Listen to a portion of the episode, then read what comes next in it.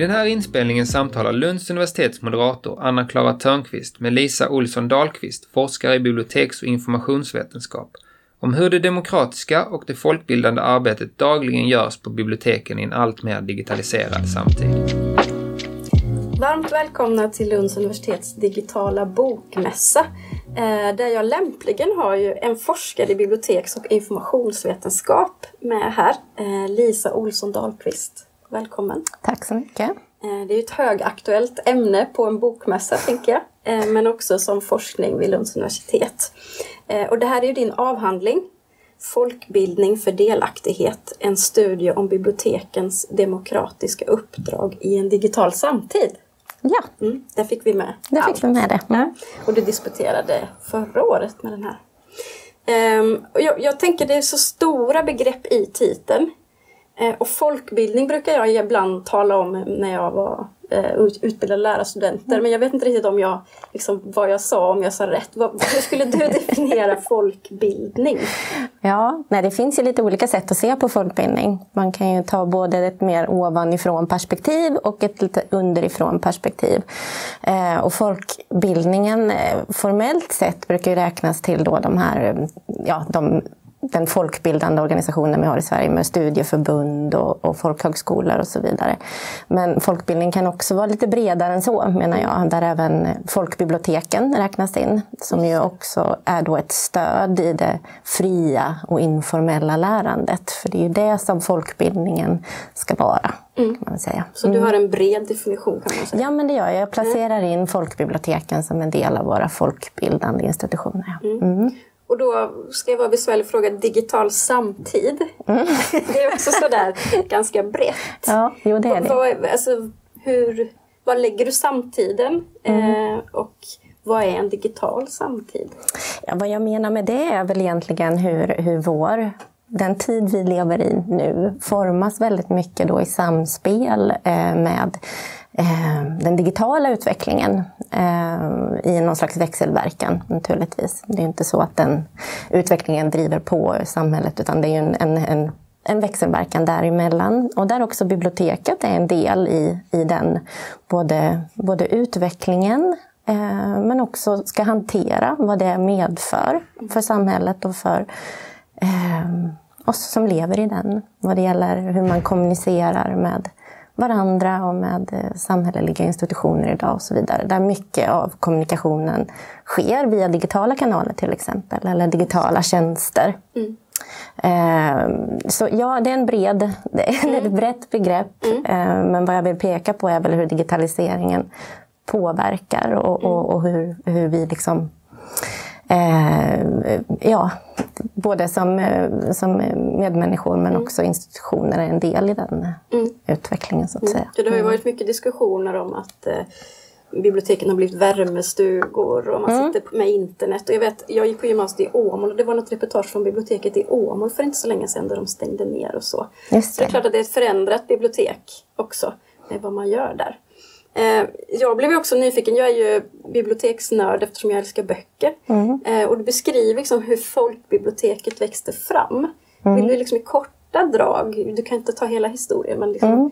hur är framväxten? Hur ser folkbibliotekets historia ut i Sverige? Mm. Ja, men vi har ju en lång tradition av folkbibliotek i Sverige och folkbiblioteken har ju också utvecklats i nära samverkan med folkrörelserna. Alltså från slutet av 1800-talet och eh, 1900-talets början och så vidare. Men hela tiden så har det ju funnits den här samverkan mellan samhället då och, eh, och hur bibliotekets funktion har sett ut.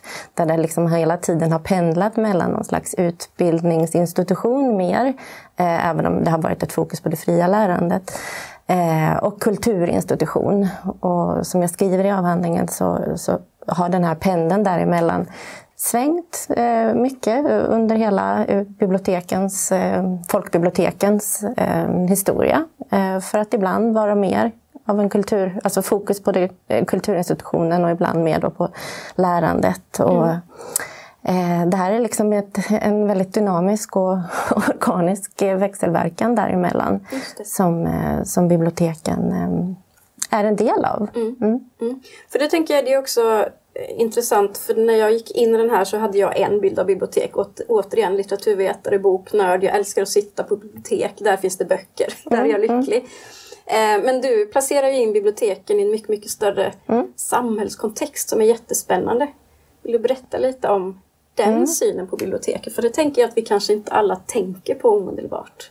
Nej, ja, men så är det ju. Biblioteken är ju en stor del av verksamheten handlar just om läsfrämjande och tillgängliggöra litteratur i olika former. Eh, idag både digitalt och fysiskt eller analogt. Eh, men biblioteket har ju också ett bredare samhällsuppdrag. Bibliotekets uppdrag är att främja det demokratiska samhällets utveckling. Och det gör man på olika sätt. Både genom att arbeta med läsfrämjande men också med annan typ av eh, verksamhet eh, och att vara den här det har varit mycket prat om mötesplatsbegreppet inom biblioteksforskningen eh, de senare, de senare ja, decennierna egentligen. Mm. Men men den här sociala funktionen som biblioteket har mm. är en väldigt central del av, av min forskning också. Mm. Att, att den här lokala biblioteksverksamheten eh, som, en, eh, som en plats mm.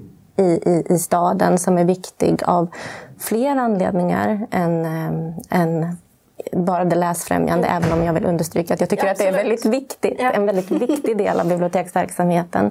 Så, så handlar det också idag väldigt mycket om att visa på vägar till information i olika kanaler och många gånger just i, i de digitala. Mm formaten eh, där vi ju har idag eh, digital ojämlikhet i Sverige. Där, där vissa har, har lättare att kunna ta till sig och kommunicera och använda de digitala resurserna eh, än andra och som kan behöva mer stöd och hjälp i, i just den eh, biten eller den kommunikationsdelen. Mm. Och där har biblioteken ju fyllt en väldigt viktig och fyller en väldigt viktig funktion. Mm. Eh, just som en slags väg, vägledare eller handledare i det digitala informationslandskapet.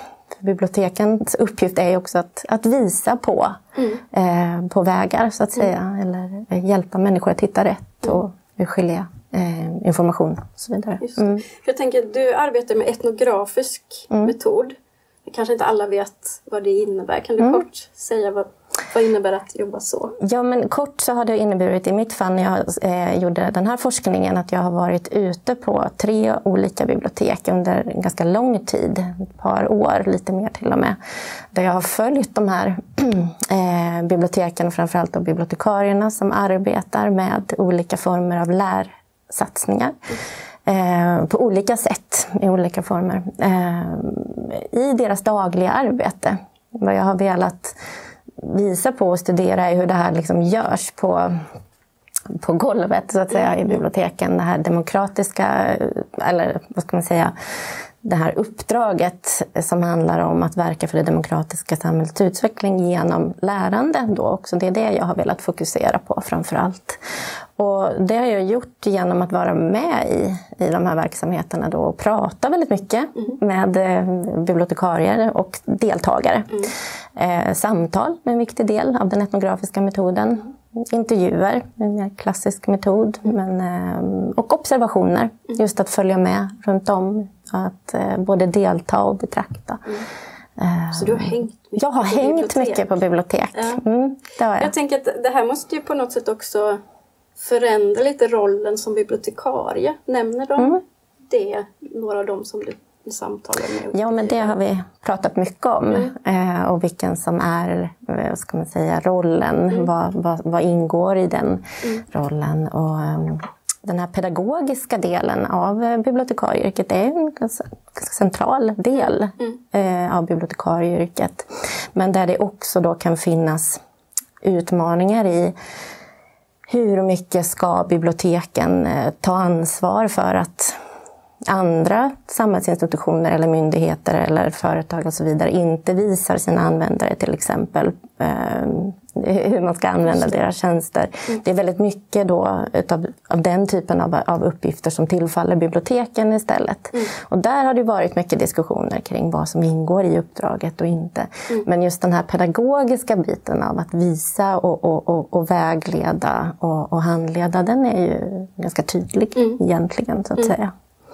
Eh, men sen innebär ju också den här digitaliseringen eh, att, att det krävs förnyade kunskaper bland bibliotekarier också. Mm. Alltså digital kompetensutveckling. Mm. Och det har också blivit tydligt hur viktigt det är att, mm. att man har en eh, kontinuerlig kompetensutveckling kring de här eh, verktygen och, och, och tjänsterna och så vidare.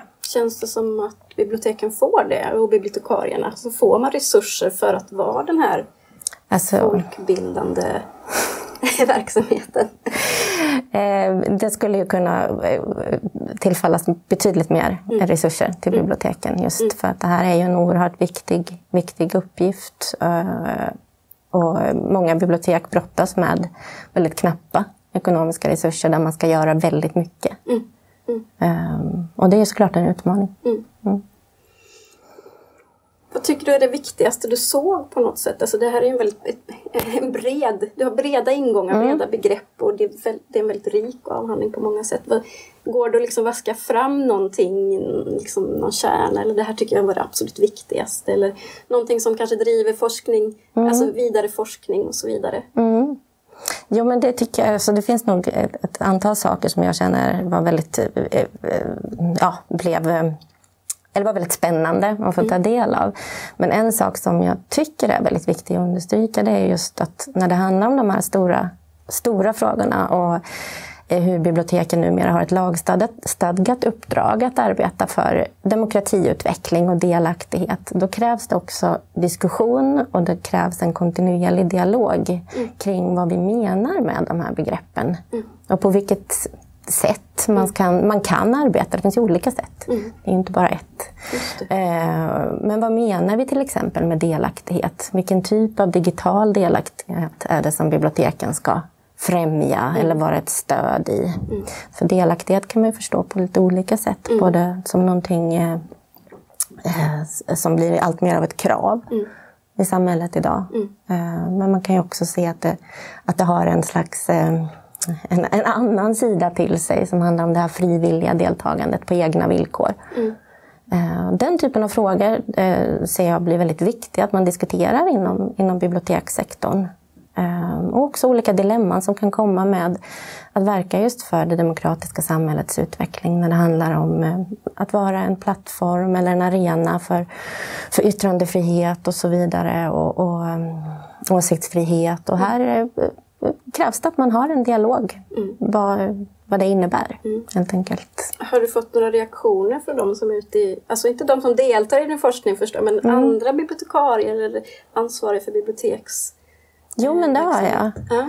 Det har jag. Eh, det har varit roligt att diskutera den avhandlingen med. Jag har varit ute och pratat ganska mycket om den också i, i olika biblioteksverksamheter där där, där jag förstår att det behövs. Mm. Att, man, att man initierar den här diskussionen också. Att det blir någonting också att, eh, att hålla i lite grann. Mm. Att, eh, att synliggöra de här, vad ska man kalla dem, mikroprocesserna mm. av demokratiskt görande och mm. delaktighet. Det är också väldigt viktiga tror jag för att förstå vad det är man, man arbetar med. För det kan vara ganska, det är stora begrepp, det är diffust. Mm. Det är ganska abstrakt. Men att, att visa att ja, men i den här situationen så handlar det faktiskt om att jag eh, hjälper någon att kunna vara aktiv i, i kommunikationen med ja, vem det nu gäller och så vidare. Att man liksom faktiskt visar på, på värdet av det. Det tror jag kan vara ganska viktigt. Mm. Jag tycker verkligen att du, den här avhandlingen hjälper en att se och värdera någonting som, som man vet på något sätt finns men det blir väldigt, väldigt tydligt när genom din forskning. Ehm, forskar du vidare nu på det här spåret eller vad gör du? Jo, det gör jag. Eh, till viss del så håller jag just nu på med en studie tillsammans med eh, Olof Sundin som handlar om hur man kan eh, arbeta med medie och informationskunnighet på bibliotek, vilket ju är en del av det jag skriver om här. Men en mer Eh, kritisk medie och informationskunnighet som innefattar eh, samtal och reflektion kring våra eh, digitala informationsinfrastrukturer. Hur informationen kommer till oss, varför den kommer till oss och varför den ibland inte kommer till oss. Och att hur man kan jobba på bibliotek med den typen av digital bildning och synliggöra den många gånger osynliga Spännande. strukturen. Vi mm. måste sätta punkt där. Ja. Det måste man göra i en avhandling ja. också. Tack så jättemycket. Eh, folkbildning för delaktighet heter din avhandling och du heter Lisa Olsson Dahlqvist. Tack så mycket. Tack själv. Eh, och tack för att ni har tittat på Lunds universitets digitala bokmässa.